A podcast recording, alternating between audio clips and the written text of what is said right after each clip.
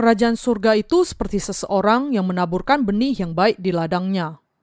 Matius pasal 13 ayat 24 sampai 30. Yesus membentangkan suatu perumpamaan lain lagi kepada mereka. Katanya, Hal kerajaan surga itu seumpama orang yang menaburkan benih yang baik di ladangnya. Tetapi pada waktu semua orang tidur, datanglah musuhnya menaburkan benih lalang di antara gandum itu, lalu pergi. Ketika gandum itu tumbuh dan mulai berbulir, nampak juga lah lalang itu.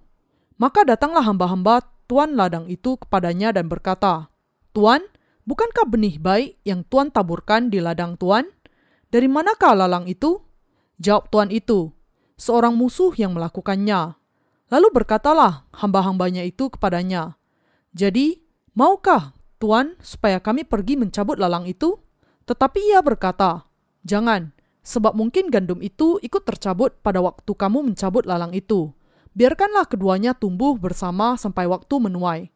Pada waktu itu aku akan berkata kepada para penuai, kumpulkanlah dahulu lalang itu dan ikatlah berberkas berkas untuk dibakar. Kemudian kumpulkanlah gandum itu ke dalam lumbungku. Untuk memberitakan Injil air dan roh ke seluruh dunia dan menghasilkan buah yang berkenan kepada Allah sebanyak 30, 60 atau 100 kali lipat, kita membutuhkan banyak pekerja dan juga dukungan keuangan yang cukup. Tuhan telah memampukan kita untuk menghasilkan banyak buah yang baik sejauh ini. Tetapi saya juga percaya bahwa di masa yang akan datang, Dia akan memberikan kesempatan kepada kita untuk menghasilkan lebih banyak buah. Agar hal ini bisa terjadi, kita semua harus berdoa kepada Allah. Dan saya yakin bahwa dia akan memberikan kepada kita kuasa untuk menggenapi seluruh pekerjaannya. Kita hanya memberitakan keselamatan Tuhan dengan iman. Semua yang harus kita lakukan hanyalah memberitakan kebenaran ini dengan keyakinan bahwa Allah bekerja dengan kita. Sementara kita semua berusaha melakukan pekerjaan yang berkenan kepada Allah, adalah Allah sendiri yang sebenarnya menggenapkan pekerjaan ini. Berjalan dengan Tuhan, kita bisa merasakan bahwa Allah bekerja di sekitar kita. Ketika kita berjalan dengan Allah dan melakukan pekerjaannya, hati kita menjadi semakin bersuka cita. Dan saat kita menjadi satu dengan Tuhan, kita akan menerima semakin banyak berkat dari Allah. Saya tidak bisa tidak bersyukur kepada Tuhan atas semua yang dilakukannya kepada kita. Matius pasal 13 ayat 24 mengatakan, Yesus membentangkan suatu perumpamaan lain lagi kepada mereka. Katanya, Hal kerajaan surga itu seumpama orang yang menaburkan benih yang baik di ladangnya. Di dalam bagian Alkitab hari ini, Yesus menjelaskan kehendaknya dengan membentangkan satu analogi yang lain tentang seorang petani dunia untuk menjelaskan kepada kita rahasia akan surga. Ke ladang hati manusia yang hidup di dunia ini, benih kehidupan dari Allah sudah ditaburkan. Allah sudah memilih hati manusia yang hidup di dunia ini sebagai tempat kerjanya, dia mengatakan bahwa dia menaburkan benih yang baik di dalam hati mereka yang hidup di dunia ini. Tujuan Allah dalam menaburkan benih yang baik di dunia ini adalah untuk menjadikan kita yang sudah jatuh ke dalam dosa menjadi umatnya dan untuk hidup bersama kita selamanya di kerajaan surga. Allah senantiasa menghendaki buah keselamatan dari kita semua. Sesudah menaburkan firman keselamatan di atas bumi ini dan di dalam hati manusia, Tuhan menantikan buah kehidupan kekal dari kita. Tetapi ketika bibitnya bertunas dan mulai berbulir, nampak juga lalang itu, dan lalang itu tumbuh bersama dengan gandum. Musuhnya datang dan menaburkan lalang di antara gandum. Matius pasal 13 ayat 25 sampai 26 mengatakan, "Tetapi pada waktu semua orang tidur, datanglah musuhnya menaburkan benih lalang di antara gandum itu, lalu pergi. Ketika gandum itu tumbuh dan mulai berbulir, nampak jugalah lalang itu. Bagian ini menjelaskan bahwa sebelum Allah menaburkan Injil air dan roh di dalam hati manusia, iblis terlebih dahulu menaburkan Injil palsu. Allah mengatakan bahwa di dalam hati semua manusia yang hidup di dunia ini, tanpa terkecuali, dia sudah menaburkan firman Injil air dan roh yang memerdekakannya dari segala dosanya. Apakah manusia menginginkannya atau tidak? Benih yang baik dan lalang ditaburkan di dalam hati mereka. Tuhan kita menaburkan kebenaran Injil air dan roh di dalam diri semua manusia. Ketika Allah menabur benih yang baik di bumi ini, iblis juga bekerja, tetapi tujuannya sama sekali berbeda. Tujuannya adalah untuk membinasakan manusia dengan mencegah mereka menerima pengampunan dosa melalui Injil air dan roh. Karena banyak orang tidak menyadari bahwa Injil air dan roh adalah benih yang baik yang ditaburkan Allah di dalam diri mereka, mereka akhirnya kehilangan benih itu karena iblis. Demikianlah caranya dua jenis benih ini jatuh ke dalam hati orang-orang yang hidup di dunia ini. Dan sebagai akibatnya, dua buah yang berbeda dihasilkan. Keduanya itu adalah gandum, dan lalang. Di dalam hati manusia, benih baik yang menjadikan mereka sebagai umat Allah dan benih buruk yang menjadikan mereka sebagai lalang telah ditaburkan. Akibatnya, dua jenis benih tumbuh berdampingan di atas bumi ini. Jadi, kita perlu mencapai pemahaman yang mendalam tentang kebenaran Injil air dan roh dari bagian Matius pasal 13 ayat 27 yang mengatakan, Maka datanglah hamba-hamba Tuan ladang itu kepadanya dan berkata, Tuan, Bukankah benih baik yang Tuhan taburkan di ladang Tuhan? Dari manakah lalang itu? Tuhan mengatakan bahwa hal ini terjadi karena iblis menaburkan lalang di dalam hati manusia yang hidup di dunia ini. Rekan seiman yang terkasih, bagaimanakah lalang ditabur di dalam hati manusia? Ketika Yesus menaburkan benih yang baik di dunia ini, iblis menaburkan lalang. Hamba itu kemudian bertanya, "Jadi, maukah Tuhan supaya kami pergi mencabut lalang itu? Tetapi petani itu menjawab, Jangan, sebab mungkin gandum itu ikut tercabut pada waktu kamu mencabut lalang itu. Ketika Tuhan melihat orang-orang di dunia ini, dia melihat bahwa di dalam diri beberapa orang, benih kehidupan yang ditaburkan Allah tertanam dan tumbuh dengan baik. Kenyataannya adalah bahwa ada lebih banyak lalang dibandingkan dengan benih yang baik di dunia ini. Di dunia ini, di dekat orang-orang benar, ada orang-orang yang menaburkan benih yang palsu yang melukai jiwa manusia dan tidak bisa menghapuskan dosa-dosa mereka. Rekan seiman yang terkasih, Injil air dan roh bukanlah lalang. Yang sedang diajarkan oleh Tuhan di dalam perumpamaan ini adalah bahwa berusaha mencabut lalang bisa melukakan hati dan jiwa orang-orang yang percaya kepada Injil air dan roh. Inilah sebabnya dia tidak mau menyakiti gandum ketika mencabut lalang. Tuhan tahu bahwa ada lalang di antara orang-orang benar, tetapi dia tidak mau melukai gandum karena lalang ini. Inilah sebabnya dia mengatakan, biarkanlah keduanya tumbuh bersama sampai waktu menuai. Pada waktu itu aku akan berkata kepada para penuai, kumpulkanlah dahulu lalang itu dan ikatlah berberkas-berkas untuk dibakar. Kemudian kumpulkanlah gandum itu ke dalam lumbungku. Ketika kita memperhatikan apa yang dikatakan Tuhan di sini, kita bisa melihat bahwa sama seperti benih Injil air dan roh yang diberikan Allah sudah ditaburkan di dunia ini, demikian juga Injil palsu lalang sudah ditaburkan. Jadi, dia mengatakan bahwa tidak bisa dihindari akan muncul dua jenis buah. Tetapi, kita harus ingat apa yang dikatakan Tuhan di sini. Jangan mencabut lalang, tetapi membiarkannya agar gandum jangan ikut tercabut. Inilah sebabnya Tuhan memerintahkan kita untuk menyebarkan Injil air dan roh sampai harinya dia menghakimi lalang itu. Kita harus menyadari hal ini. Pada waktunya, Tuhan akan membereskan lalang ini dan mencabutnya.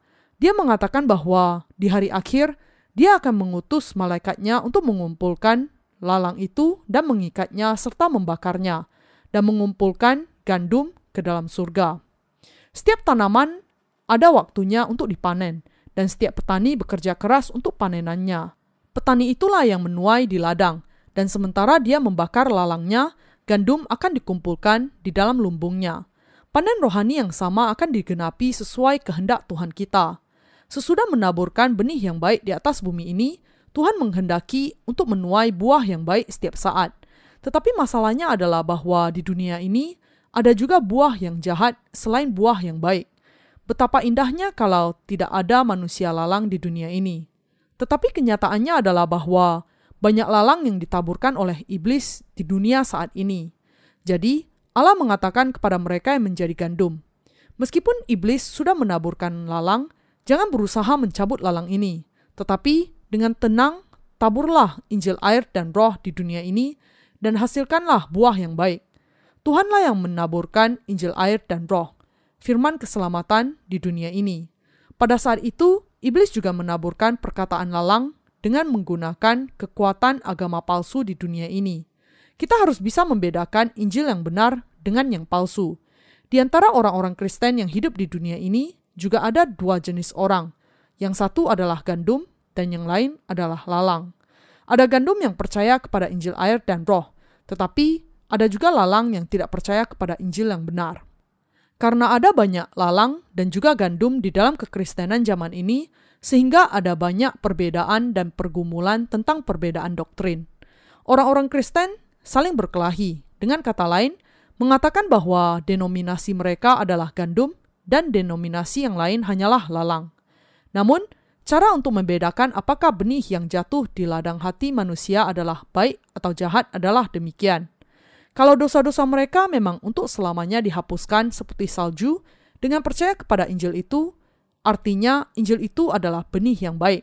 Tetapi kalau dosa-dosa mereka masih tertulis di dalam loh hati mereka, biar bagaimanapun mereka percaya kepada apa yang mereka sebut Injil, Injil yang mereka percayai itu benih yang buruk, Injil palsu.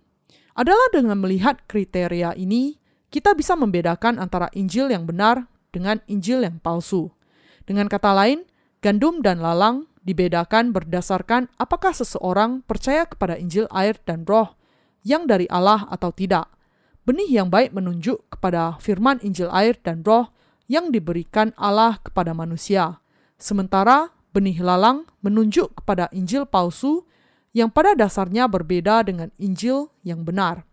Injil yang palsu itu mungkin mirip Injil air dan roh, tetapi dia tidak bisa menghapuskan dosa-dosa manusia dan hanya menjadikan orang-orang percaya menjadi sekedar agamawan belaka.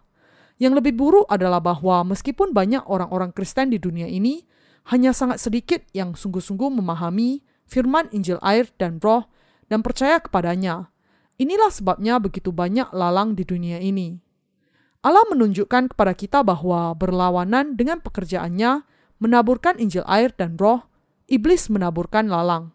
Allah membangkitkan di dunia ini para pekerjanya yang percaya kepada Injil air dan roh dan dari zaman Perjanjian Lama ke zaman Perjanjian Baru, dan bahkan ke zaman sekarang ini juga, Allah sudah membuat mereka memberitakan Injil air dan Roh, bahkan di masa dan zaman ini.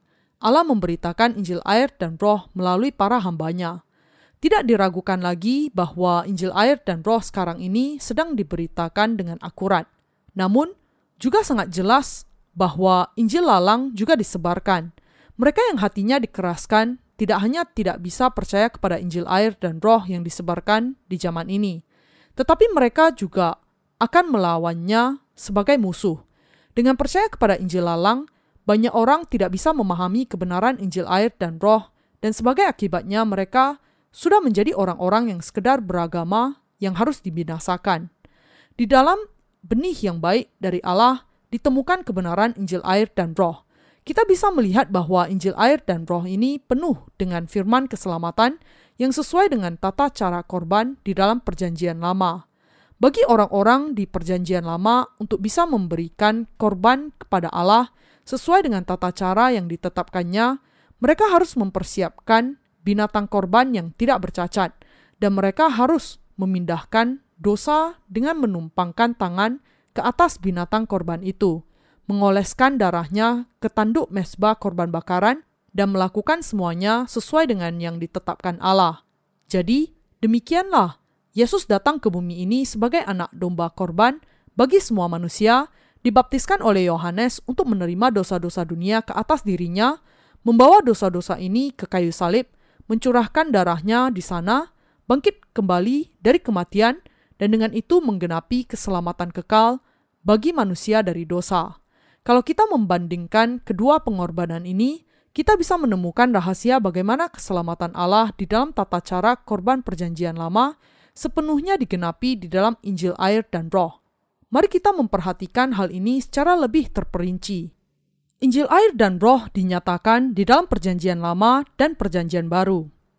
Tata cara korban di dalam perjanjian lama adalah bayangan akan Yesus Kristus anak Allah di dalam perjanjian baru bahwa Yesus Kristus menerima dosa-dosa manusia melalui baptisannya adalah sama dengan tata cara korban persembahan di dalam perjanjian lama menerima dosa-dosa bangsa Israel dengan penumpangan tangan.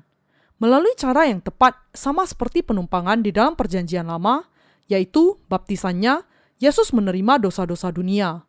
Karena itu, sebagaimana binatang korban di dalam perjanjian lama mencurahkan darahnya dan mati, Yesus juga harus disalibkan, mencurahkan darahnya dan mati. Demikian, Yesus menanggung atas dosa-dosa dunia dengan dibaptiskan oleh Yohanes, dan dia mencurahkan darahnya dan mati di atas kayu salib. Kita bisa melihat di sini bagaimana perjanjian lama dan perjanjian baru saling cocok satu sama lain dengan sempurna. Sudahkah Anda membaca buku saya tentang kemah suci? Meskipun ada banyak orang di dunia ini yang menulis buku tentang kemah suci, tidak satu pun selain para rasul di masa gereja mula-mula yang menjawab dengan pengetahuan pasti akan kebenaran yang dinyatakan di dalam kemah suci dan tata cara di dalamnya. Segala sesuatu di dalam kemah suci dan setiap tata caranya memberikan kesaksian tentang Injil air dan roh. Sebagai contoh, di dalam tata cara kemah suci, kain ungu tua dan kain ungu muda, kain kirmizi, dan dari lenan halus yang dipintal benangnya diulangi beberapa kali. Keluaran pasal 27 ayat 16. 10 tirai di dalam kemah suci, desain yang penuh seni berupa kerubim di tabir ruang maha kudus, tirai untuk pintu kemah suci, baju efod, imam besar, dan pengikatnya, tutup dada, pernyataan, keputusan, semuanya mengandung kain ungu tua dan kain ungu muda, kain kirmizi, dan dari lenan halus yang dipintal benangnya. Semua peraturan itu menyatakan kebenaran bahwa Yesus adalah Allah sejati yang sudah menghapuskan segala dosa kita dengan Injil air dan Roh. Injil air dan Roh dengan demikian adalah Injil kuasa yang bisa menghapuskan dosa-dosa manusia. Kebenaran ini adalah Injil kebenaran yang berkuasa yang tidak boleh dinyatakan kepada sembarang orang. Inilah sebabnya Allah menyembunyikan kebenaran ini dari orang yang sekedar beragama. Ketika nabi-nabi palsu datang dan memberitakan Injil palsu mereka, orang-orang kebanyakan sangat rentan untuk menerima saja doktrin keliru mereka ke dalam hati mereka. Mendengar Injil palsu yang diberitakan oleh para nabi palsu ini, walaupun hanya 90% dari apa yang dikatakan nampak benar, orang akan dengan segera menyetujuinya. Sebenarnya, hanya orang-orang yang sungguh-sungguh berpikir yang setuju sejauh itu. Orang-orang biasa cenderung setuju jika 80% dari apa yang mereka dengar terdengar benar. Beberapa orang bahkan tidak terlalu peduli, mengatakan bahwa semuanya sama saja, meskipun sebenarnya tingkat kesamaannya hanya 60%. Di dunia ini dalam kekristenan sekarang ada orang-orang yang memberitakan Injil air dan roh yang berkenan kepada Tuhan, dan ada juga yang memberitakan Injil lalang yang tidak berkenan kepada Tuhan. Injil yang sejati adalah 100% benar, dan kalau sesuatu tidak 100% benar, maka itu sama sekali bukan Injil yang benar. Tuhan mengatakan bahwa tidak ada orang yang bisa menghindar dari neraka kalau masih ada sedikit saja dosa di dalam hatinya. Dengan demikian, tidak peduli bagaimanapun Injil lalang itu mirip dengan Injil air dan roh, hal itu tidak ada gunanya, karena Injil palsu yang demikian tidak bisa menghapuskan sedikit pun dosa orang yang mempercayainya. Inilah yang dikatakan Tuhan kepada kita semua. Inilah sebabnya dia membentangkan perumpamaannya, supaya kita bisa membedakan hal-hal ini untuk membedakan dunia yang bagaimana dunia kita ini, benih yang bagaimana yang ditaburkan ke dalam hati manusia, dan mana benih yang baik dan mana benih yang buruk. Apakah yang dijelaskan Tuhan di dalam bagian kitab suci hari ini? Dia mengatakan bahwa benih yang baik dan benih yang buruk sama-sama ditaburkan di dunia ini. Allah menaburkan Injil yang baik, tetapi musuh menaburkan lalang. Kita harus sungguh-sungguh memperhatikan perkataan para hamba Tuhan yang memberitakan Injil yang benar. Rekan seiman yang terkasih, apakah lalang itu? Lalang menunjuk kepada orang-orang Kristen yang masih memiliki dosa meski mengaku percaya kepada Yesus. Dengan kata lain, mereka adalah orang-orang yang percaya kepada Injil palsu. Mereka adalah orang-orang yang tidak percaya kepada Injil air dan roh yang diberikan oleh Tuhan.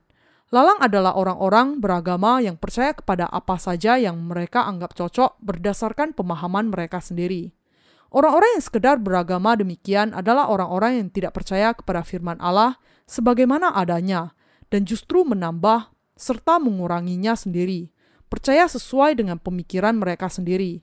Iman yang seperti lalang dari orang-orang itu pada dasarnya dilandasi oleh keinginan sendiri. Moto mereka adalah, mari kita melakukan hal ini. Orang-orang yang demikian terlibat di dalam berbagai gerakan keagamaan. Mereka percaya kepada Yesus hanya dalam dimensi agama saja dan mengatakan, mari kita katakan bahwa kita sudah menerima pengampunan dosa dengan percaya kepada darah di kayu salib. Orang-orang percaya demikian mungkin bertanya, apa yang harus kita lakukan dengan dosa-dosa yang kita lakukan setelah ini? Kemudian mereka menjawab, "Kita tidak bisa yakin akan hal itu, tetapi coba kita bayangkan bahwa Yesus Kristus membereskan semua dosa-dosa yang kita lakukan nanti. Meskipun kita masih memiliki dosa dan merasa gelisah, mari kita percaya bahwa Dia sudah menghapuskan segala dosa kita." Demikian, para nabi palsu menganggap iman Kristen sebagai sekedar salah satu dari gerakan keagamaan saja.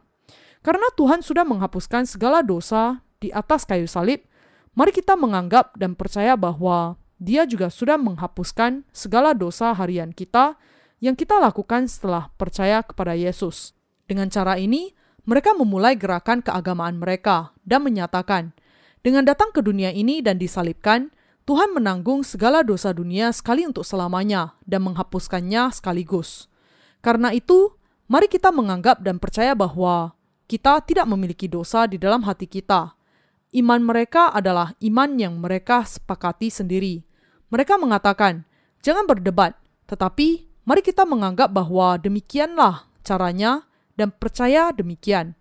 Namun, iman dan keyakinan yang mereka miliki demikian bukanlah iman yang benar ataupun keyakinan yang benar. Para guru palsu yang memiliki iman lalang bersaksi bahwa mereka sudah diselamatkan dari segala dosa mereka dengan percaya hanya kepada darah di kayu salib. Namun, ketika para pengikut mereka terus melakukan dosa dan tidak bisa membereskan dosa mereka secara memuaskan, mereka kemudian datang kepada pemimpin mereka untuk menemukan jalan keluar untuk masalah mereka. Pendeta, saya melakukan dosa lagi dan masih berdosa. Apa yang harus saya lakukan sekarang? Kemudian salah satu dari pemimpin palsu itu mengatakan kepada jemaatnya, Yesus sudah menghilangkan segala dosa Anda dengan darahnya di atas kayu salib. Dan kalau Anda percaya demikian, Anda tidak perlu khawatir. Dia mengatakan bahwa karena Yesus sudah menghapuskan segala dosa mereka dengan mencurahkan darahnya di atas kayu salib, yang harus mereka lakukan adalah menganggap bahwa segala dosa mereka sudah lenyap. Tetapi bisakah seseorang sungguh-sungguh diselamatkan dari segala dosanya hanya dengan menganggap bahwa segala dosa itu sudah lenyap? Iman seperti itu adalah keyakinan yang bodoh dari orang-orang yang mengaku beragama. Apakah Yesus kemudian sungguh-sungguh mengampuni dosa-dosa kita ketika Dia disalibkan? Atau apakah dosa-dosa dunia ditanggungkan ke atas tubuh Yesus ketika Dia dibaptiskan oleh Yohanes Pembaptis? Bisakah dosa-dosa kita sungguh-sungguh dihapuskan hanya dengan percaya kepada darah Yesus di atas kayu salib saja? Tidak, bukan di atas kayu salib Yesus menanggung dosa-dosa manusia. Adalah sebelum Yesus disalibkan, ketika dia dibaptiskan oleh Yohanes Pembaptis, dia menanggung dosa-dosa dunia. Matius pasal 3 ayat 13 sampai 15. Oleh karena itu, dosa-dosa kita tidak bisa dihapuskan hanya dengan percaya kepada darah di kayu salib saja sebagai keselamatan kita. Namun kekristenan jalur utama zaman ini mengatakan bahwa iman yang demikian itulah iman yang ortodoks. Inilah sebabnya banyak orang masih memiliki dosa di dalam hati mereka meskipun mereka mengaku percaya kepada Yesus. Namun para pemimpin mereka mengatakan bahwa karena jemaat tidak percaya kepada darah Yesus secara penuh sehingga mereka memiliki dosa. Apakah demikian? Bisakah dosa-dosa kita dihapuskan secara sempurna kalau kita percaya kepada darah Yesus di atas kayu salib saja? Tidak, tidak bisa.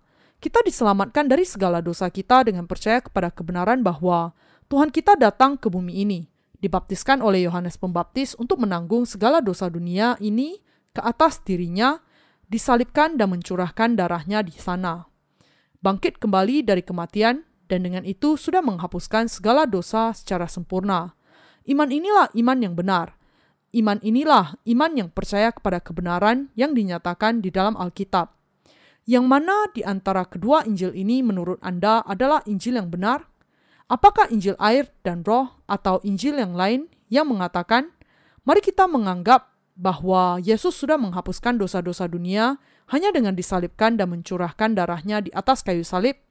Melalui gerakan keagamaan mereka, para pemimpin itu sebenarnya membawa jemaat mereka ke dalam belenggu dosa-dosa dunia. Mereka yang terjebak oleh lalang yang demikian, dengan kata lain, sudah berubah menjadi orang-orang yang sekedar beragama. Mereka yang percaya bahwa hanya di atas kayu salib saja Tuhan menghapuskan segala dosa kita, tidak akan pernah menerima pengampunan dosa-dosa mereka. Ini karena memang bukanlah ketika di atas kayu salib Yesus menanggung dosa-dosa dunia. Meski demikian, kalau seseorang masih percaya bahwa Yesus menghapuskan dosa-dosa dunia di atas kayu salib, maka mereka tidak percaya kepada kebenaran Injil air dan roh dan hanya memiliki iman keagamaan saja. Orang-orang yang sekedar beragama di dunia ini, baik yang percaya kepada Yesus atau Buddha, merasa baik-baik saja kalau mereka memiliki sukacita dan damai sejahtera di dalam hati mereka. Dan ketika mereka merasa dosa bertambah di dalam hati mereka dan hati nurani mereka terikat oleh dosa, mereka merasa oke okay untuk kembali menjadi orang berdosa lagi. Inilah sebabnya banyak orang, biar bagaimanapun mereka mengakui bahwa Yesus mengampuni dosa-dosa mereka dengan darahnya di atas kayu salib, sebenarnya mengalami bahwa hati mereka belum dimerdekakan dari dosa-dosa mereka. Tentu saja, mereka terus berusaha untuk mengatasi masalah ini, tetapi mereka hanya mencapai kematian mereka sendiri pada akhirnya. Sekarang, Tuhan kita bertanya kepada para pemimpin agama kekristenan dengan menggunakan perumpamaan tentang penaburan. Ketika mereka ditanya, bagaimana kamu menjelaskan tentang orang-orang Kristen yang masih memiliki dosa di dalam hati mereka saat mereka percaya kepada Kristus? Lalang akan menjawab, Yesus menyelesaikan masalah dosa dengan darahnya di atas kayu salib. Ketahuilah bahwa dia juga membereskan segala dosa kita di masa yang akan datang di atas kayu salib. Kita harus menganggap demikian dan percaya demikian juga. Kemudian semua akan dibereskan. Ketika Lalang mengajar para pengikut mereka, mereka mengajarkan, "Mari kita percaya bahwa Yesus menghapuskan dosa-dosa Anda dengan mencurahkan darahnya di atas kayu salib. Tetapi apakah pengajaran yang demikian itu benar? Tidak, itu sepenuhnya salah.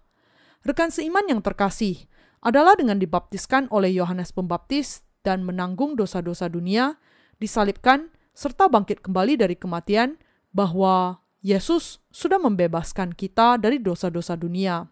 Injil ini, Injil air dan roh adalah Injil yang benar. Tetapi jawaban akhir dari Injil lalang adalah, mari kita menganggap Singkatnya, ini hanyalah kesimpulan sementara yang diambil dari anggapan mereka sendiri bahwa mereka sudah diselamatkan. Di dalam komunitas Kristen, mereka yang memiliki iman seperti lalang ini mengatakan kepada para pengikut mereka, "Karena Yesus disalibkan dan mati di atas kayu salib, mari kita menganggap bahwa Dia sudah menghapuskan segala dosa kita dengan darahnya. Mari kita percaya demikian." Beberapa pengikut mereka mungkin bertanya, "Pendeta, saya percaya demikian." tetapi dosa-dosa saya belum dihapuskan karena pengakuan yang demikian. Apa yang harus saya lakukan untuk dapat dibasuhkan dari segala dosa saya? Kemudian pendeta lalang itu akan menjawab, Anda perlu memiliki iman yang kuat kepada Yesus. Percaya dengan segenap hati bahwa dia menghapuskan dosa-dosa orang hanya di atas kayu salib. Inilah sebabnya doa-doa pertobatan mereka menjadi jalan untuk menerima pengampunan dosa-dosa harian mereka. Ketika Anda melihat mereka melakukan demikian, Anda harus membedakan iman mereka dan mengatakan, Anda termasuk golongan lalang. Alkitab juga mengatakan dengan jelas bahwa dosa-dosa dunia ditanggungkan kepada Yesus pada saat dia dibaptiskan oleh Yohanes Pembaptis. Dan inilah sebabnya Yesus membawa dosa-dosa ini ke kayu salib, mencurahkan darahnya dan mati, bangkit kembali dari kematian, dan dengan itu sudah menjadi juru selamat kekal kita. Matius pasal 3 ayat 13 sampai 15. Yohanes pasal 1 ayat 29, pasal 19 ayat 30. Ketika ini sudah sedemikian jelas dan pasti, mengapa Anda berusaha untuk berpaling dari Yesus kepada Injil yang lain? Galatia pasal 1 ayat 6. Adalah karena Tuhan sudah menjadi juru selamat yang benar untuk kita sehingga dia menanggung segala dosa dunia dengan dibaptiskan oleh Yohanes Pembaptis. Dan karena inilah dia naik ke kayu salib disalibkan bagi segala dosa dunia dan bangkit kembali dari kematian. Dengan percaya bahwa segala dosa termasuk dosa-dosa yang telah kita lakukan setelah kita percaya kepada Yesus ditanggungkan kepada Tuhan sekaligus ketika dia dibaptiskan di Sungai Yordan dan bahwa dia sudah membereskan segala dosa ini dengan dihakimi di atas kayu salib, kita bisa dengan sempurna dilahirkan kembali. Ini karena Yesus menanggung segala dosa dunia ini melalui baptisannya dan dosa-dosa kita ditanggungkan kepadanya sekaligus melalui baptisan ini. Demikianlah kita sudah diselamatkan dari segala dosa kita secara sempurna dengan iman. Tentu saja, kita mungkin merasa bersalah dalam hati nurani kita karena kita melakukan dosa setiap hari. Namun, hanya dari sisi kita saja bahwa kita terus melakukan dosa selama hidup di dunia ini. Dari sisi Tuhan, dia sudah menghapuskan segala dosa dunia ini dengan dibaptiskan oleh Yohanes Pembaptis di Sungai Yordan dan mencurahkan darahnya di atas kayu salib. Dengan menerima dosa-dosa masa kini, masa depan, dan masa lalu melalui baptisannya, kemudian menanggung semua penghukuman atas dosa di atas kayu salib, sementara memikul segala dosa dunia dan mati di atas kayu salib, dan bangkit kembali dari kematian, Yesus sudah menjadi juru selamat kita yang sempurna. Namun Lalang tidak memiliki kemampuan untuk menjelaskan hal ini dan hanya bisa berkata, "Mari kita menganggap dan percaya bahwa Yesus membereskan semua dosa pribadi kita." Ini pada dasarnya cacat. Mari kita memahami dan menuliskan di dalam pikiran kita bahwa hati orang-orang yang memiliki iman lalang itu sudah sesat. Ketika saya berpikir tentang lalang itu, saya berpikir, lalang itu begitu salah dan mereka tidak memiliki harga. Kalau seseorang lulus dari sekolah kedokteran dan menjadi dokter, serta merawat pasien, dia harus tahu dengan pasti apa yang harus dilakukan sehubungan dengan masalah kesehatan mereka dan membuat mereka sehat kembali. Kalau seorang dokter tidak bisa membuat diagnosa yang benar dan dengan itu tidak bisa menentukan obat yang tepat ataupun bahkan melakukan tindakan yang benar, dia tidak bisa disebut sebagai dokter. Kalau Anda seorang dokter yang benar, tidakkah Anda harus memeriksa pasien Anda? Tidakkah Anda harus menjelaskan kepadanya mengapa dia sakit, di mana dan bagaimana penyakitnya berkembang, memberikan pengobatan yang benar, dan mengadakan perawatan yang tepat kepadanya? Tetapi kalau Anda tidak melakukan salah satunya dari semuanya itu, dan hanya mengatakan kepada pasien Anda, saya akan menganggap bahwa saya sudah merawat Anda dengan baik, dan Anda harus berpikir bahwa sekarang Anda sudah sembuh. Apakah hal ini masuk akal? Mereka yang percaya hanya kepada darah Yesus dan kayu salib atau doktrin lain selain Injil air dan roh adalah seperti dokter yang demikian. Sangat jelas bahwa mereka yang berpura-pura sudah menerima pengampunan dosa-dosa mereka tanpa bahkan percaya kepada kebenaran yang pasti dan tidak memiliki firman kebenaran tidak lain dari sekedar lalang. Bagi mereka, lalang dunia ini, saya bisa memberitakan Injil air dan roh dengan jelas, dan saya bisa berkata kepada lalang ini, kalau Anda mengenal Yesus dan percaya kepadanya sesuai dengan pemikiran Anda sendiri, seperti yang Anda lakukan sekarang, Anda sebenarnya sedang menjadikan diri Anda sebagai hamba iblis. Yang harus kita lakukan hanyalah memberitakan kebenaran Injil air dan roh kepada semua orang yang sedang tersiksa karena dosa-dosanya kita bisa menyembuhkan pasien yang demikian secara pasti dan mengatakan dengan yakin, masalah Anda bisa diselesaikan kalau Anda percaya kepada kebenaran Injil air dan roh. Tetapi lalang hanya bisa mengatakan kepada orang-orang lain, mari kita percaya kepada apa yang dibereskan Yesus di atas kayu salib. Tetapi mereka yang secara buta mengatakan demikian berdasarkan iman mereka yang salah, bukanlah hamba Allah dan bukan umat Allah. Dan di dalam orang-orang yang demikian, iblis bekerja memakai mereka sebagai alatnya untuk memberitakan Injil lalang kepada manusia. Kita harus membedakan nabi yang benar dengan nabi yang palsu agar kita bisa dituntun oleh Allah. Saya tidak mengecam orang-orang lain tanpa alasan, tetapi saya hanya sekedar menyatakan bahwa Injil air dan roh adalah satu-satunya Injil yang bisa menyelamatkan kita dari dosa-dosa kita. Siapakah orang-orang yang sekarang sudah menjadi lalang di hadapan Allah? Apa kemudian lalang itu? Bagi Anda yang memiliki pengalaman bertani, pasti sangat mengenal lalang. Ketika seorang petani menaburkan padi di sawah, benihnya akan tumbuh dan berkembang. Tetapi di antara padi itu juga akan bertumbuh lalang. Petani itu sebenarnya tidak bermaksud untuk menaburkan lalang dan juga tidak menanamnya. Tetapi dia masih bisa melihat bahwa lalang muncul begitu saja dan tumbuh di ladangnya. Lalang itu jelas bukan padi, jadi sejalan dengan waktu mereka tidak mengeluarkan bulir. Lalang tidak lebih dari rumput saja. Baik padi maupun lalang memiliki daun yang hijau ketika baru bertumbuh. Tidak mudah untuk membedakan di antara keduanya ketika masih sangat kecil.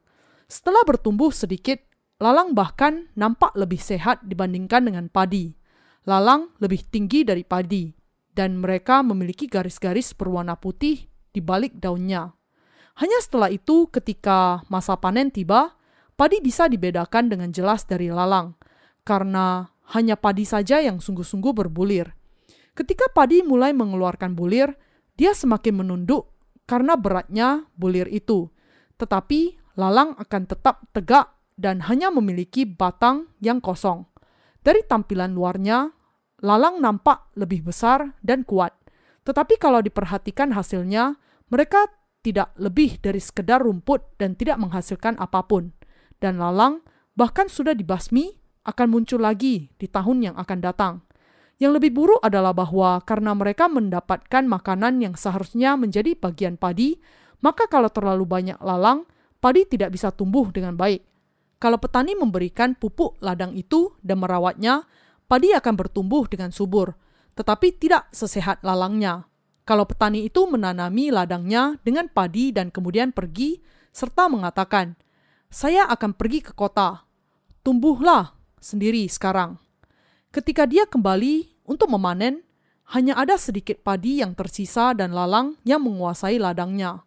Kita melihat bahwa banyak orang sebenarnya hanyalah lalang, Meski nampak sangat mirip, lalang adalah lalang dan gandum adalah gandum.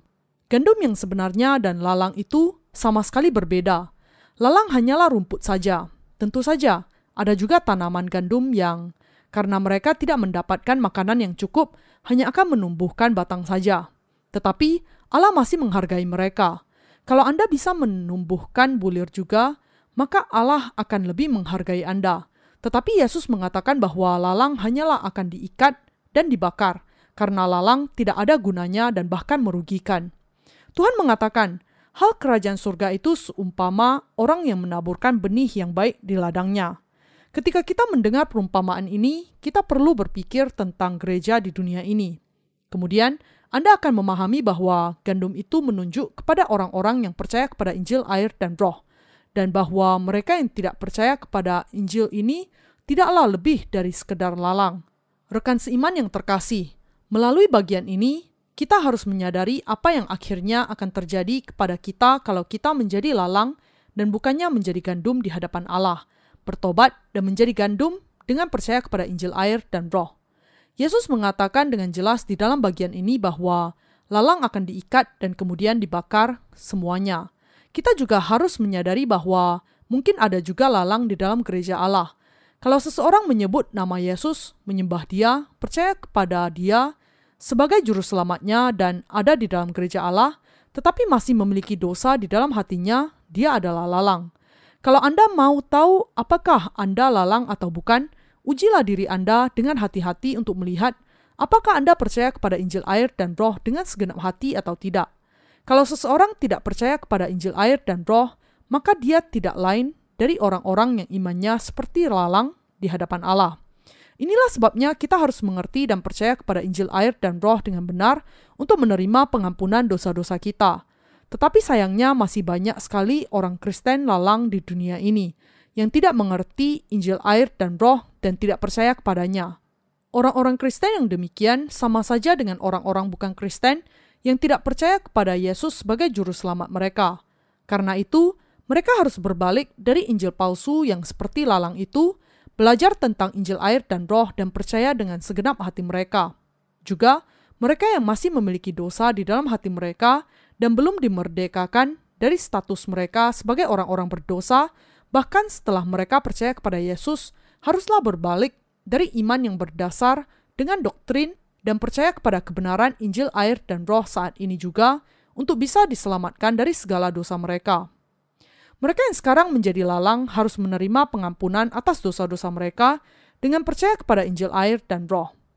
Di dalam Matius pasal 5 ayat 25 sampai 26, Tuhan kita mengatakan, "Segeralah berdamai dengan lawanmu, selama engkau bersama-sama dengan dia di tengah jalan, supaya lawanmu itu jangan menyerahkan engkau kepada hakim, dan hakim itu menyerahkan engkau kepada pembantunya, dan engkau dilemparkan ke dalam penjara. Aku berkata kepadamu, sesungguhnya engkau tidak akan keluar dari sana sebelum engkau membayar hutangmu sampai lunas." Yesus mengatakan, "Segeralah berdamai dengan lawanmu selama engkau bersama-sama dengan dia di tengah jalan." Lawanmu di sini menunjuk kepada orang-orang yang menuntut Anda. Lawan yang menuduh manusia di hadapan Allah adalah iblis, dan yang membuat Anda bisa dituduh adalah dosa Anda. Ketika ada dosa di dalam hati Anda, dosa ini membuat Anda menjadi tertuduh di hadapan Allah. Kamu masih belum menerima pengampunan atas dosa-dosamu kamu masih orang berdosa. Kamu akan dihukum di masa yang akan datang. Demikianlah dosa-dosa Anda akan mengajukan tuntutan terhadap Anda. Inilah sebabnya Tuhan mengatakan agar kita dengan segera membebaskan diri dari tuduhan yang demikian, sementara kita masih ada di dunia ini. Apa yang harus kita lakukan segera selagi kita masih hidup, dengan kata lain adalah percaya kepada Injil air dan Roh, dan menerima pengampunan dosa ke dalam hati kita menerima pengampunan dosa ini tidak akan pernah bisa ditunda. Tuhan kita mengatakan, supaya lawanmu itu jangan menyerahkan engkau kepada hakim, dan hakim itu menyerahkan engkau kepada pembantunya, dan engkau dilemparkan ke dalam penjara. Kalau hati Anda memiliki dosa, maka Anda akan menghadapi hukuman dosa. Ini adalah karena Tuhan menyatakan bahwa upah dosa adalah maut. Roma pasal 6 ayat 23 merupakan sebuah kepastian bahwa orang-orang yang berdosa akan dihukum karena dosa-dosa mereka. Kalau Anda memiliki dosa-dosa Anda utuh di hadapan Allah, dosa-dosa ini akan membawa Anda masuk ke neraka. Inilah sebabnya pada akhirnya orang-orang berdosa akan dihukum di neraka dan mengalami kesakitan maut yang kekal. Karena itu kita harus menerima ke dalam hati kita apa yang dikatakan Tuhan di dalam Matius pasal 5 ayat 26.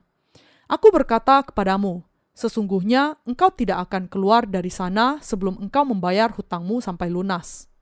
Tuhan mengatakan di sini, bisa keluar dari penjara sebelum kita membayar lunas dosa-dosa kita, bahkan titik yang paling kecil sekalipun. Bagaimana kemudian kita bisa diselamatkan dari segala dosa kita sampai tidak ada sedikit pun yang tersisa? Ini sebenarnya mudah. Kalau kita percaya kepada Injil air dan roh yang telah diberikan Tuhan kepada kita, kita pasti akan diselamatkan dari dosa-dosa kita. Dengan percaya kepada Injil yang benar ini, kita bisa dibasuhkan dari segala dosa kita sampai tuntas. Adalah dengan percaya kepada Injil air dan roh ini, kita bisa diselamatkan dari segala dosa kita. Sudahkah Anda diselamatkan dari segala dosa Anda? Pasti demikian. Ketika Anda percaya kepada Injil air dan roh dengan hati Anda, tidak ada lagi dosa di dalam hati Anda. Tidak sedikit pun. Tetapi karena kenyataan bahwa dosa yang sangat sedikit saja sudah bisa membuat Anda dibuang ke dalam neraka, Anda harus percaya kepada Injil air dan roh dan dengan itu diselamatkan dari segala dosa Anda menjadi seputih salju. Bahkan jika ada segunung dosa yang bersembunyi di balik punggung Anda, Anda masih bisa diselamatkan dari segala dosa sekaligus dengan percaya kepada Injil air dan roh. Tuhan kita sudah menaburkan benih yang baik di dunia ini dan iblis kemudian menaburkan lalang. Dan sekarang, Anda dan saya harus dengan hati-hati melihat apakah kita sungguh-sungguh gandum di hadapan Allah atau sekedar lalang saja. Kalau kita masih memiliki dosa, bahkan ketika kita percaya kepada Yesus, maka saat ini juga, sekarang ini, kita harus percaya kepada Injil, air, dan Roh, dan dengan itu kita kemudian akan diselamatkan dari segala dosa secara sempurna sampai tuntas. Inilah yang dikatakan Tuhan kepada kita. Tidak peduli bagaimanapun kuatnya kita percaya kepada Yesus di hadapan Allah, dan tidak peduli bagaimanapun setianya kita kepadanya, kalau kita memiliki sedikit saja dosa, dosa ini akan membawa kita ke depan hakim. Tuhan mengatakan bahwa upah dosa adalah maut, dan hukuman atas dosa adalah kutuk yang kekal. Karena ini, kita harus memahami bahwa kita akan dibuang ke dalam neraka kalau kita memiliki sedikit saja dosa di dalam hati kita. Memahami dengan jelas bahwa karena kita memiliki dosa di dalam hati kita, itulah yang menjadikan kita lalang dan kemudian berbalik dari segala kejahatan kita. Kalau Anda masih menjadi lalang, Anda harus mengaku, Saya telah salah percaya sampai saat ini. Karena keyakinan saya salah, saya harus percaya kepada Injil, air, dan roh sejak saat ini. Tetapi sayangnya banyak orang-orang Kristen yang keras kepala yang terus mengatakan, apakah semua orang Kristen yang sebanyak ini akan masuk neraka semua hanya karena mereka tidak mengerti Injil air dan roh? Saya mempelajari teologi ortodoks dan saya membawa banyak jiwa kepada Yesus Kristus, bahkan meskipun saya tidak punya pemahaman akan Injil, air, dan Roh. Saya sudah memahami begitu banyak hal setiap kali saya berdoa kepada Allah. Saya sudah bertemu Tuhan banyak kali di dalam mimpi saya, dan saya sudah melihat doa-doa saya dijawab di dalam kehidupan saya. Bagaimana Anda bisa memperlakukan saya sebagai orang berdosa hanya karena saya tidak memahami Injil air dan Roh? Mereka mengatakan bahwa meskipun mereka tidak mengerti Injil air dan Roh, mereka dipenuhi dengan Roh Kudus dan tidak bisa lupa pengalaman mereka dengan iman mereka. Namun, bisakah Allah Roh Kudus berdiam di dalam hati yang memiliki dosa? Tentu saja tidak. Betapa bodohnya orang yang berpegang kepada keyakinan yang salah demikian. Yesus mengatakan, hal kerajaan surga itu seumpama orang yang menaburkan benih yang baik di ladangnya. Allah sudah menabur di dunia ini benih yang baik dari Injil yang benar yang membawa pengampunan dosa, supaya kita bisa menerima pengampunan dosa kita hanya kalau kita percaya kepada Injil ini, dan untuk itu Tuhan sudah menaburkan Injil kuasa, yaitu Injil air dan roh. Satu-satunya Injil yang benar adalah Injil air dan roh. Injil inilah yang memiliki kuasa untuk menghapuskan dosa-dosa manusia sehingga menjadi putih seperti salju. Injil ini adalah Injil yang sudah menggenapi seluruh firman nubuatan yang ditemukan di dalam Yesaya pasal 1 ayat 18 yang mengatakan, Marilah, baiklah kita berperkara. Firman Tuhan, sekalipun dosamu merah seperti kirmizi, akan menjadi putih seperti salju. Sekalipun berwarna merah seperti kain kesumba, akan menjadi putih seperti bulu domba.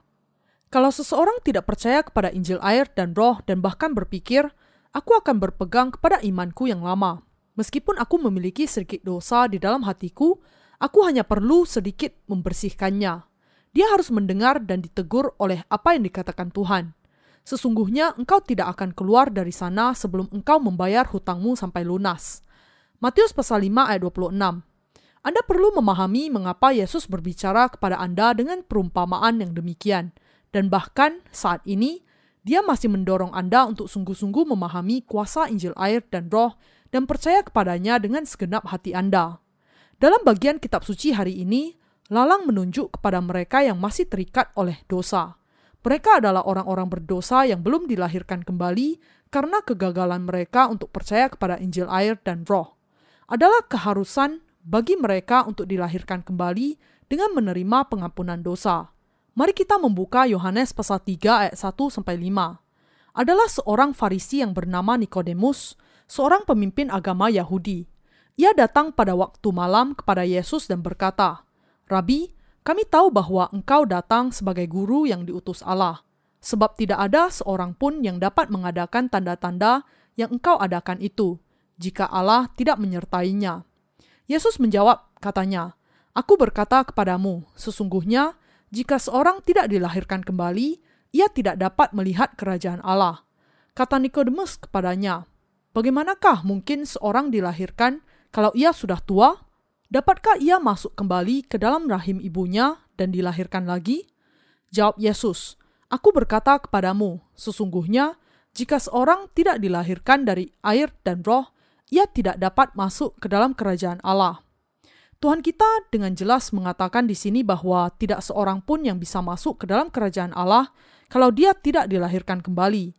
Tidak ada orang berdosa yang bisa masuk ke dalam kerajaan Allah karena dosa-dosanya, dan karena dia tidak bisa masuk surga, dia tidak bisa melihat Bapa. Bagaimana kemudian kita bisa dilahirkan kembali?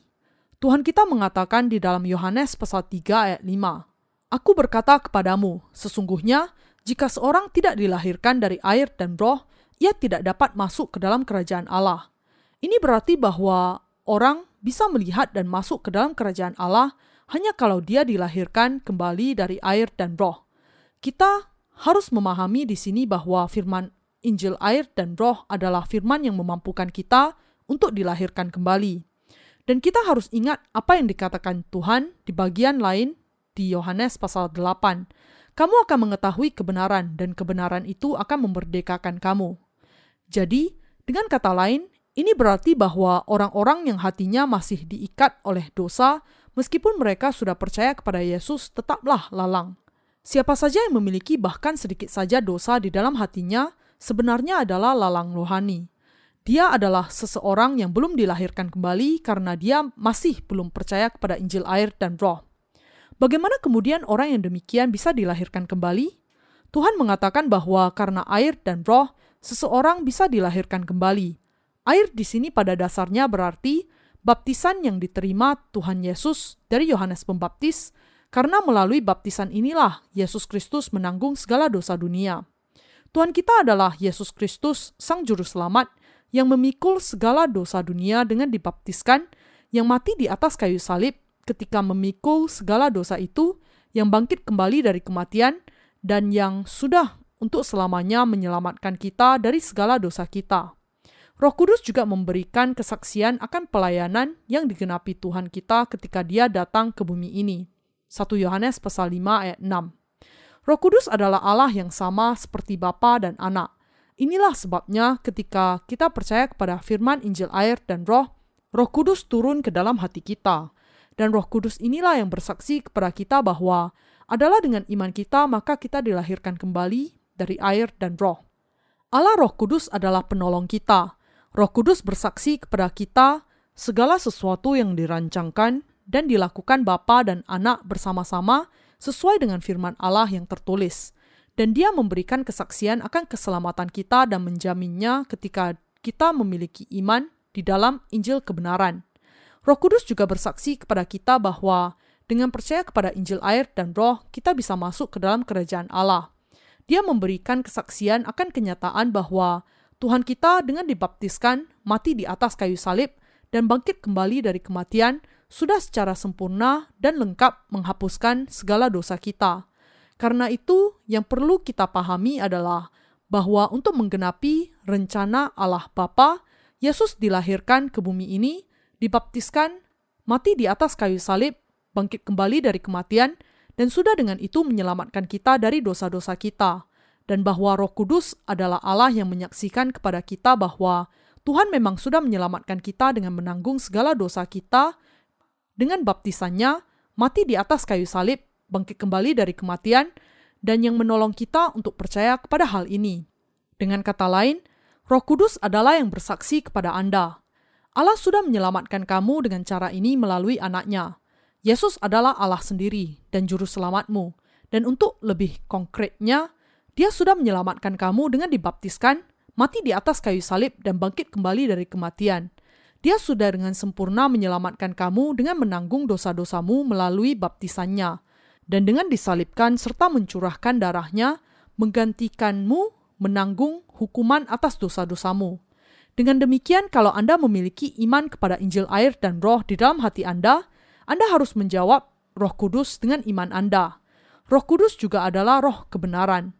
Jadi, ketika kita membaca firman Allah dan mengenal kebenaran melalui firman, roh kudus menjamin keselamatan kita. Bagaimanakah Roh Kudus menjamin keselamatan kita ketika kita percaya kepada Injil air dan Roh?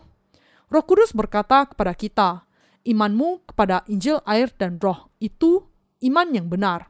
Engkau tidak berdosa. Mengapa? Karena untuk menanggung segala dosamu, Anak Allah dilahirkan ke dunia ini, dibaptiskan, dan mati di atas kayu salib. Baptisan yang diterima Yesus dari Yohanes Pembaptis adalah untuk menanggung segala dosamu." Kematiannya di atas kayu salib adalah korban yang dibuatnya untuk menanggung hukuman atas dosa-dosamu. Dan kebangkitan Yesus Kristus diterima untuk memberikan kehidupan baru kepadamu. Adalah untuk menjadikanmu sebagai umat Allah, memampukan kamu masuk ke dalam kerajaannya dan hidup bersama dia selamanya, sehingga Allah sendiri datang ke bumi ini dan melaksanakan karyanya. Adalah karena roh kudus bersaksi demikian sehingga Yesus sendiri mengatakan bahwa kita tidak akan pernah bisa melihat kerajaan Allah ataupun memasukinya kalau kita tidak dilahirkan kembali dari air dan roh. Apakah ada di antara Anda yang masih memiliki dosa di dalam hatinya? Seseorang yang bahkan memiliki dosa yang sedikit sekalipun di dalam hati akan terus terikat oleh dosanya bahkan setelah percaya kepada Yesus. Dan tidak peduli bagaimanapun dia tekun menaikkan doa pertobatan untuk dosa-dosanya, dosa-dosa ini tidaklah lenyap. Dengan demikian, meskipun dia belum mengenal Injil air dan roh sampai sekarang, dia harus mengenalnya mulai saat ini dan percaya kepadanya sebagai Injil yang benar. Mereka yang mendengar Injil air dan roh tetapi tidak sungguh-sungguh mempercayainya dan bahkan berpegang kepada iman lama mereka, ditentukan untuk terus memiliki dosa di dalam hati mereka sepanjang waktu. Mereka melihat Injil air dan roh hanya sebagai sebuah ajaran baru. Dan karena itu, hanya menambahkannya ke atas iman lama mereka. Sebagai akibatnya, setiap kali mereka melakukan dosa, dosa ini hanya akan ditumpukkan ke atas dosa-dosa yang sudah ada tetapi mereka yang percaya kepada Injil air dan roh tidak memiliki dosa meskipun mereka lemah, karena mereka percaya kepada Injil yang benar ini. Mengapa? Karena Yesus sudah menanggung segala dosa mereka dengan membuat pembayaran awal yang lunas. Ini yang terjadi karena 2000 tahun yang lalu, dia sudah menanggung dosa-dosa kita, naik ke kayu salib dan mati di sana, dan bangkit kembali dari kematian, dan dengan itu menyelamatkan kita semua. Adalah dengan percaya kepada kebenaran ini bahwa kita sudah diampuni dari dosa-dosa kita dengan iman. Orang yang tidak percaya haruslah percaya. Kebanyakan Anda mungkin pernah mendengar Injil air dan roh dan sudah mengenal firman kebenaran ini. Untuk orang-orang yang percaya kepada Injil air dan roh, yang saya katakan di sini mungkin hanya pengulangan. Tetapi tetap saja, Anda perlu mendengarkannya lagi. Tuhan mengatakan bahwa tidak semua orang yang menyerukan Nama Allah dan mengaku percaya kepada Yesus adalah gandum yang sesungguhnya. Dia mengatakan bahwa ada gandum dan lalang di antara yang dinamakan gereja masa kini. Gandum mengeluarkan bulir dan lalang mengeluarkan buah lalang. Musuh sudah menaburkan lalang, dan melalui lalang ini dia menghasilkan lebih banyak lalang yang lain. Allah sudah menaburkan benih yang baik, membuat mereka menghasilkan bulir, dan bulir itu akan menghasilkan semakin banyak panenan. Tuhan mengatakan kepada kita dengan kata lain bahwa kita harus percaya kepada Injil, air, dan roh tanpa terkecuali. Dunia ini adalah ladang kerajaan Allah. Tempat di mana Allah bisa melakukan karyanya adalah dunia ini. Dan di dalam hati kita lah Allah sudah menaburkan benih Injil air dan roh. Tetapi pada saat yang sama, iblis juga bisa menaburkan benih yang buruk lalang itu di dalam hati Anda. Inilah sebabnya kita harus terlebih dahulu mengetahui Injil manakah yang sudah ditanam di dalam hati kita? Kalau Anda sekarang menyadari dan mengerti bahwa benih lalang yang sudah ditaburkan di dalam hati Anda, Anda harus merendahkan hati di hadapan Injil air dan roh dan belajar sekali lagi. Dan Anda harus percaya. Empat ladang yang dibicarakan Yesus di dalam perumpamaannya mengenai penabur menunjuk kepada empat keadaan hati manusia. Setelah mengetahui keadaan ladang hati kita, Kemudian kita perlu mencari tahu apakah benih yang ditaburkan di dalam ladang hati kita sungguh-sungguh benih yang baik. Kalau kita menemukan dosa di dalam hati kita, ini berarti bahwa lalang yang justru sudah ditaburkan, dan lalang di dalam hati kita itu adalah Injil yang salah. Kita harus mencabutnya sekarang dari dalam hati kita dan membuangnya dengan iman.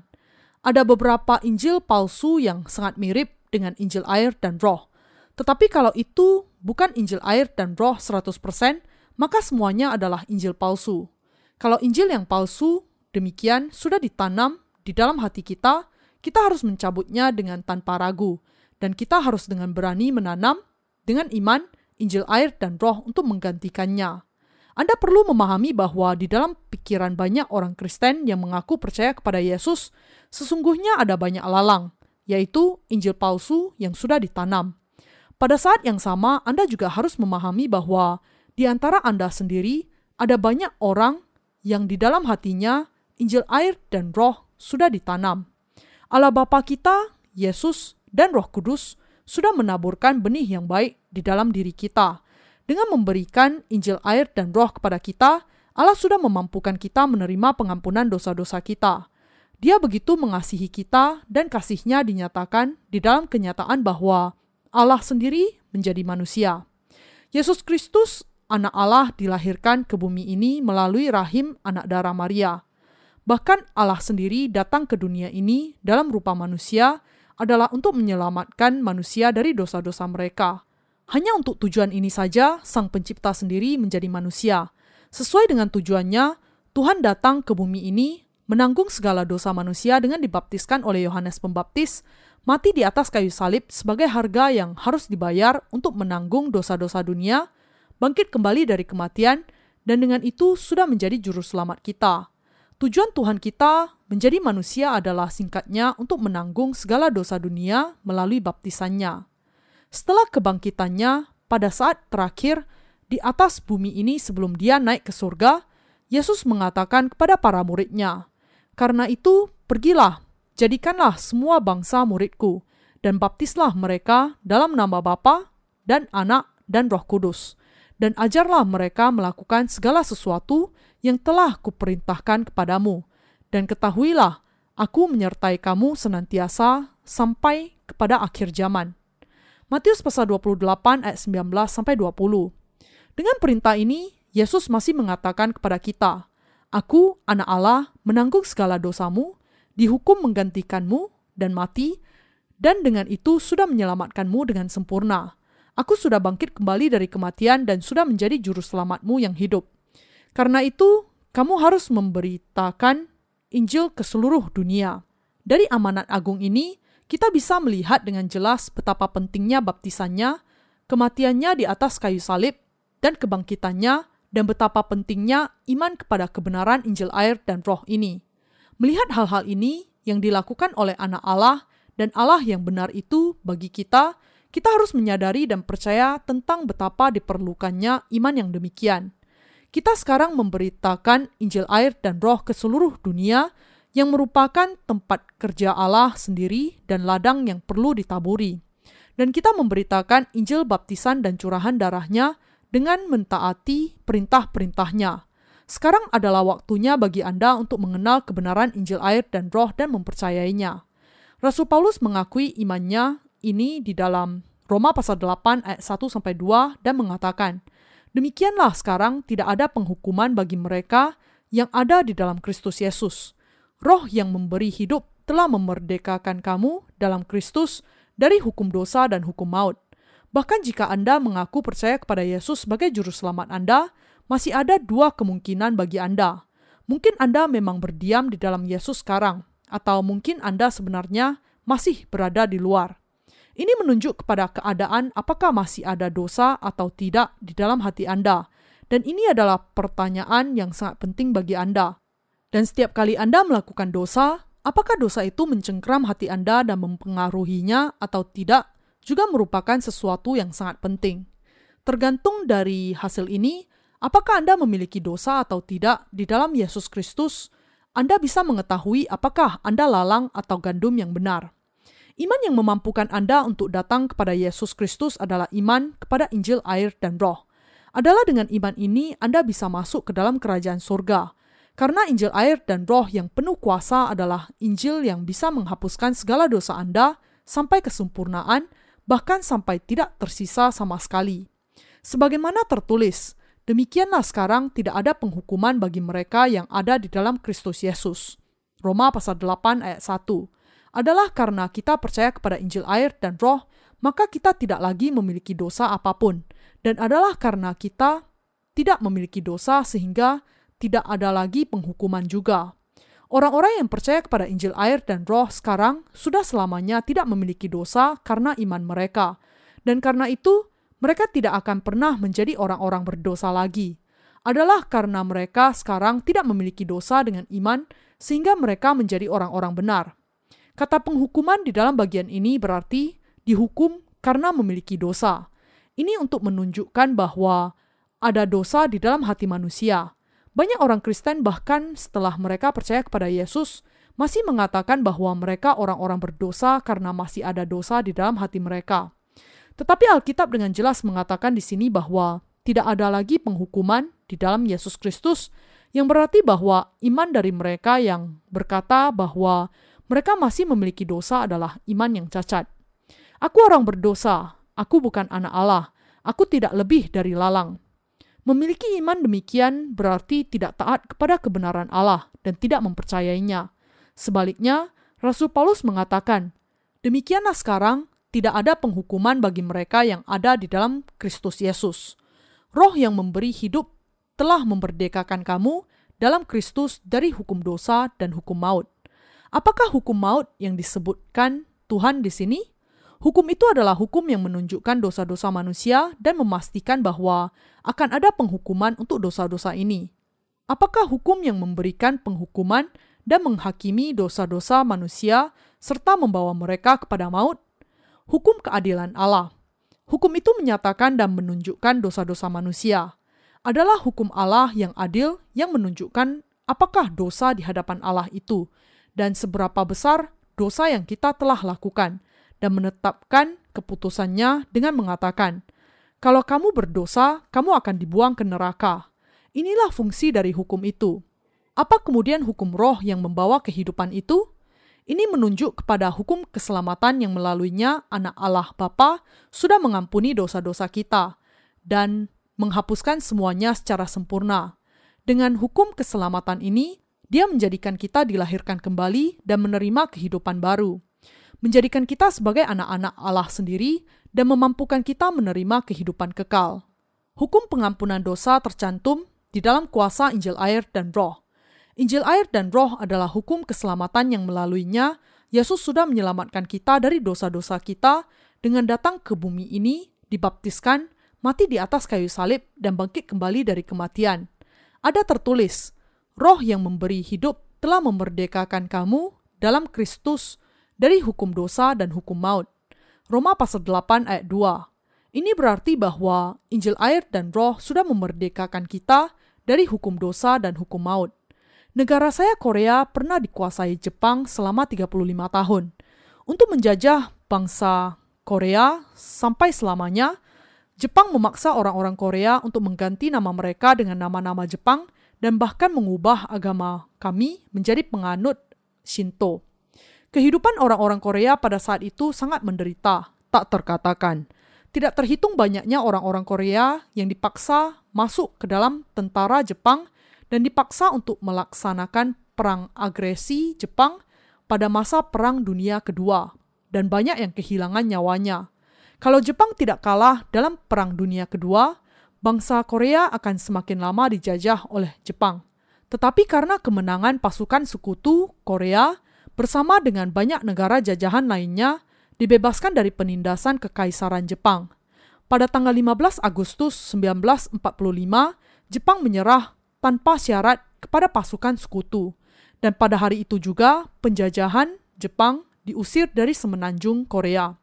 Demikian juga, karena karya kebenaran Yesus, hukum roh kehidupan di dalam Kristus Yesus sudah secara sempurna memerdekakan kita semua dari hukum dosa dan hukum maut sebagaimana Korea dengan sempurna dimerdekakan di akhir masa Perang Dunia Kedua.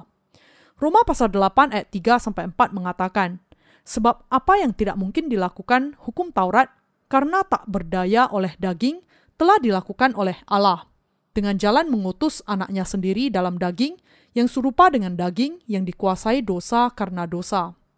Ia telah menjatuhkan hukuman atas dosa di dalam daging, supaya tuntutan hukum Taurat digenapi di dalam kita yang tidak hidup menurut daging tetapi menurut roh yang sudah memerdekakan kita dari hukum dosa dan hukum maut adalah hukum roh kehidupan tetapi yang sudah mengajarkan kepada kita bahwa kita memiliki dosa dan harus dibuang ke dalam neraka adalah hukum Taurat. Untuk memerdekakan kita dari hukum Taurat ini, peraturan dari hukum Taurat itu harus digenapi. Untuk itu, Anak Allah datang ke bumi ini menjelma sebagai manusia, meletakkan segala dosa manusia ke dalam dirinya sendiri, dan memerdekakan kita dengan menggenapi seluruh tuntutan hukum Taurat. Segala dosa kita ditanggungkan ke atas tubuh Yesus Kristus. Jadi Yesus Kristus menanggung segala dosa kita dengan dibaptiskan, naik ke kayu salib, dan dihukum untuk dosa-dosa ini. Inilah sebabnya dia mengatakan, sudah selesai ketika dia mati. Bangkit kembali dari kematian dan dengan itu sudah menjadi juru selamat secara sempurna. Dengan menjadi pengganti bagi umat manusia, Tuhan kita anak domba Allah sudah melenyapkan segala dosa kita tanpa meninggalkan satupun, bahkan dosa yang paling kecil sekalipun. Inilah sebabnya semua orang yang ingin menjadi gandum yang benar haruslah percaya kepada Injil air dan roh. Kalau Anda tidak mengenal Injil air dan roh dan percaya hanya kepada darah di kayu salib saja, sampai sekarang Anda harus percaya mulai sekarang kepada Injil air dan roh. Apa yang dikatakan Yesus? Dia mengatakan bahwa ketika orang sedang tidur, musuh datang dan menaburkan lalang. Ini berarti bahwa sementara manusia tidak memahami Injil air dan roh, iblis menyuruh hamba-hambanya untuk menaburkan Injil lalang. Injil yang palsu demikian adalah Injil yang hanya percaya kepada darah di kayu salib. Ada banyak yang dibicarakan mengenai Injil yang palsu dan yang benar. Saya bisa menjelaskan perbedaan di antara keduanya sampai ke perincian yang paling kecil. Dengan firman Allah, saya bisa menebus ke kedalaman dan menyelidiki pikiran dan saya bisa membedakan apakah seseorang itu nabi yang benar atau nabi palsu. Dengan melakukan hal itu, saya bisa menyembuhkan segala penyakit rohani. Saya sudah melakukan hal itu sampai hari ini dan akan terus melakukannya. Adalah dengan terus memberitakan Injil yang benar sehingga saya bisa memampukan orang-orang lain untuk mengenali Injil yang palsu pada saat mereka datang. Ada saat-saat ketika saya merasa frustasi karena kurangnya pemahaman manusia. Namun, karena Yesus sudah menunggu kita dengan kesabaran yang tidak terhingga untuk masa penuaian, sangat tepat juga kalau kita harus menunggu. Kita harus mengajar jiwa-jiwa yang terhilang berulang kali dengan kesabaran dan mengatakan, "Inilah Injil air dan Roh itu." Melalui firman air dan darah Yesus, Anda sudah menerima pengampunan dosa Anda sekaligus. Anda untuk selamanya menjadi orang-orang benar. Demikianlah orang-orang yang memberitakan Injil air dan Roh adalah pengharapan dan doa saya bahwa Anda semua akan percaya kepada Injil air dan roh yang benar, memiliki iman gandum yang benar, dan dipanen ke dalam lumbung Allah ketika akhir zaman tiba.